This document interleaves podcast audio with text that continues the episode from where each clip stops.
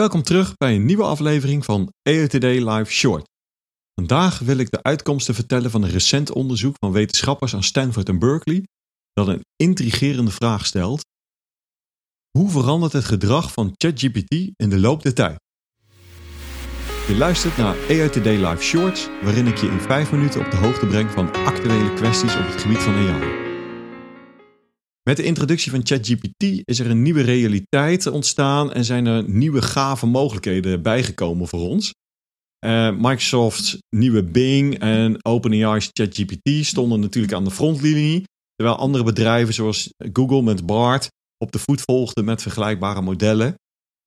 Nou ja, terwijl OpenAI druk bezig is met het uitbrengen van nieuwe updates en functies voor zijn uh, chatbot, uh, hebben onderzoekers van Stanford een nieuwe ontdekking gedaan, namelijk ChatGPT is de afgelopen maanden mogelijk dom geworden.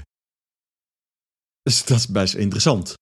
Uh, het paper How is ChatGPT's behavior changing over time?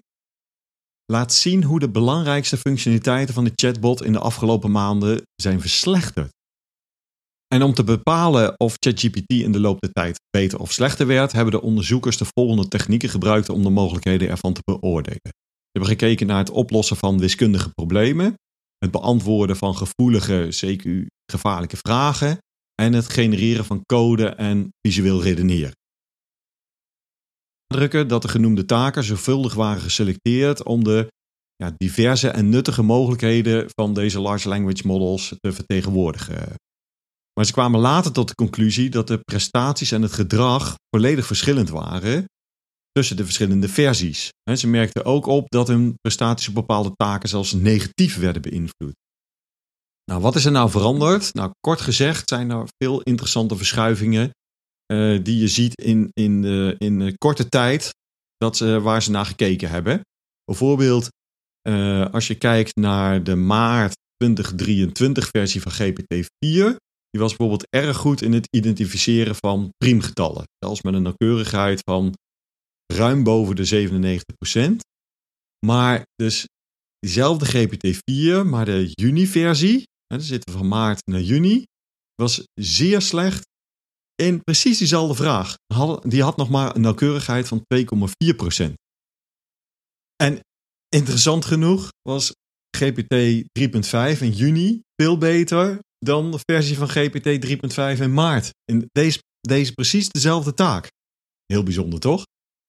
Nou, ik denk dat een van de redenen voor deze verandering in prestaties en gedrag kan liggen in wijzigingen of misschien zelfs het weglaten van uh, trainingsgegevens. mogelijk vanwege de auteursrechtelijke kwesties.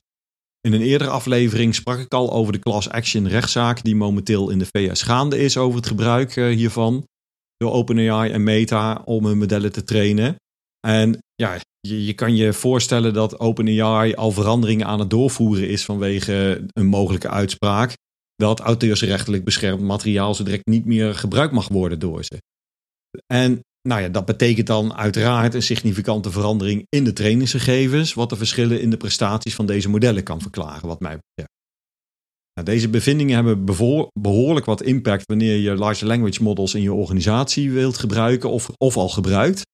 De bevindingen van de onderzoekers tonen aan dat het gedrag van GPT 3.5, GPT 4 aanzienlijk is veranderd in relatief korte periode.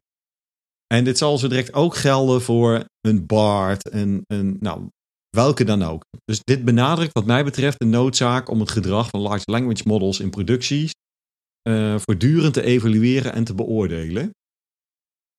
Voordat we afsluiten is het belangrijk om enkele kanttekeningen bij de bevindingen te maken van deze onderzoeken.